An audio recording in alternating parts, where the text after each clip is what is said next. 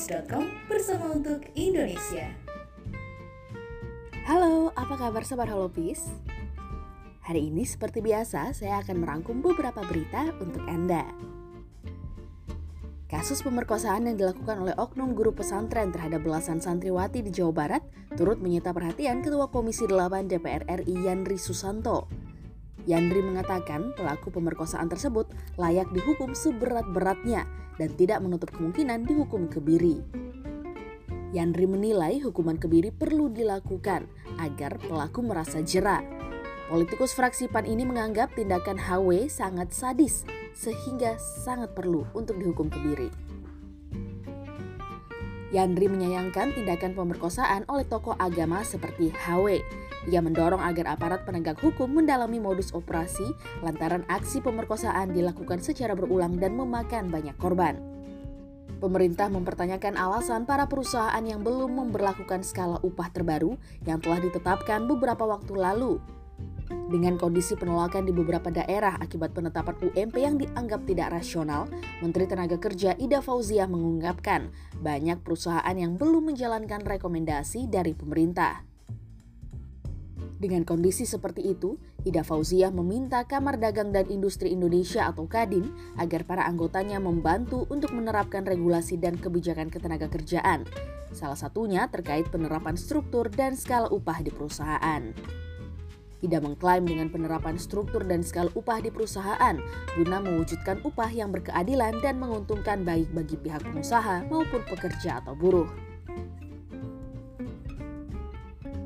Kita lanjut ke berita berikutnya. Pemerintah menjanjikan bahwa negara akan memberikan keadilan hukum bagi seluruh warga negara Indonesia tanpa memandang faktor apa pun. Klaim tersebut disampaikan oleh Presiden Joko Widodo saat berpidato dalam peringatan Hari Hak Asasi Manusia Sedunia di Istana Negara. Ia mengatakan jaminan hak sipil, politik, dan hukum juga menjadi perhatian pemerintah. Jokowi bahkan menjanjikan akan menyelesaikan perkara HAM berat yang sudah terkatung-katung tanpa adanya titik penyelesaian dari para aparat hukum. Kita lanjut dulu ke berita internasional. Siwon Super Junior dinyatakan positif COVID-19. Kabar tersebut diumumkan oleh agensi Siwon SM Entertainment. Agensi Siwon mengatakan ia telah menerima vaksinasi dosis kedua pada bulan September lalu. Namun ia dikonfirmasi positif saat melakukan tes PCR yang dilakukan setiap kali sebelum melanjutkan kegiatan. Lebih lanjut, Siwon mengatakan ia akan menunda semua aktivitas dan melakukan karantina. Ini berarti anggota Super Junior tidak bisa menghadiri Mnet Asian Music Awards 2021 sebagai presenter. Tidak lupa, para member dan staf yang sempat melakukan kontak dengan Siwon juga akan melewati tes PCR. Cepat sembuh ya Siwon. Itu dulu rangkuman berita hari ini. Saya Brenda Iskarina, sampai jumpa dan salam sehat untuk semua Sobat Holopis. Holopis.com bersama untuk Indonesia. Halo Sobat Holopis, hari ini saya akan merangkum berita-berita untuk Anda. Berita yang pertama, kasus pemerkosaan yang terjadi pada 12 santriwati di salah satu pesantren di Bandung, Jawa Barat oleh seorang oknum Ustadz berinisial HW sudah diungkap polisi sejak Mei 2021. Namun kasus ini baru ramai setelah kasus memasuki proses persidangan di Pengadilan Negeri Bandung. Kabit Humas Polda Jawa Barat, Kombes RDA Chaniago, mengungkapkan pihaknya sengaja tidak mempublikasikan karena mempertimbangkan kondisi psikologis para korban. RD juga mengatakan kasus kasus tersebut saat ini telah diselesaikan penyidikannya dan telah rampung pemberkasan tersangka pun kini telah menjalani proses sidang.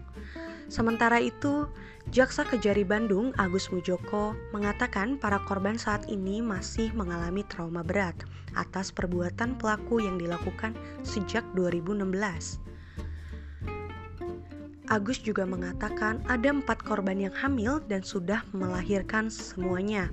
Bahkan ada salah seorang korban sudah dua kali melahirkan akibat perbuatan terdakwa. Berita berikutnya, Badan Penanggulangan Bencana Daerah Kabupaten Lumajang mengklaim bahwa logistik bantuan untuk warga korban erupsi Gunung Semeru saat ini sudah lebih dari cukup. Kepala Pelaksana BPBD Kabupaten Lumajang Indra Wibowo Laksana mengatakan sebaiknya masyarakat yang masih berniat untuk membantu para korban sebaiknya diberikan dalam bentuk uang tunai.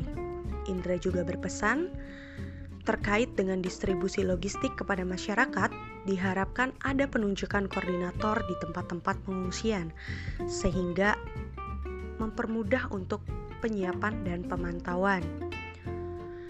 Pihaknya juga telah menjangkau 21 kecamatan sampai ke titik-titik pengungsian untuk pendistribusian bantuan logistik. Sementara itu, logistik bantuan tidak hanya ditujukan langsung kepada warga yang terdampak tetapi juga keperluan dapur umum. Koordinator Dapur Umum Tagana Kabupaten Lumajang, Faris mengatakan kebutuhan logistik sebagian diambil dari pos logistik dan sebagian lainnya dari alokasi anggaran untuk untuk kebutuhan. Dalam menyediakan makanan, pihak dapur umum menerima permintaan terlebih dahulu sebelum memulai memasak sesuai dengan kebutuhan. Dapur umum juga menyiapkan makanan kepada para relawan atau petugas yang berada di sekitar wilayah tersebut. Sementara ini, jumlah warga yang meninggal tercatat sebanyak 43 jiwa, luka berat sebanyak 21 orang, hilang seba sebanyak 12 orang dan mereka yang mengungsi tercatat sebanyak 6.542 warga yang tersebar di 125 titik. Berita selanjutnya datang dari dunia hiburan internasional. The American Films Institute telah mengumumkan serial Korea Selatan Squid Game mendapatkan penghargaan khusus selain daftar 10 program TV terbaik versi mereka. Setiap tahunnya, The American Films Institute atau AFI memilih program-program TV yang menonjol dan paling berpengaruh tiap tahunnya. Tak hanya itu, Avi juga memberikan penghargaan spesial untuk sebuah proyek dalam mengapresiasikan karya seni yang tidak masuk ke kriteria penghargaan Avi. Serial Squid Game pun berhasil menjadi serial pertama di luar Amerika Serikat yang memenangkan penghargaan tersebut. Pemenang AVI lainnya akan diumumkan dalam upacara penutupan pada tanggal 7 Januari 2022 mendatang.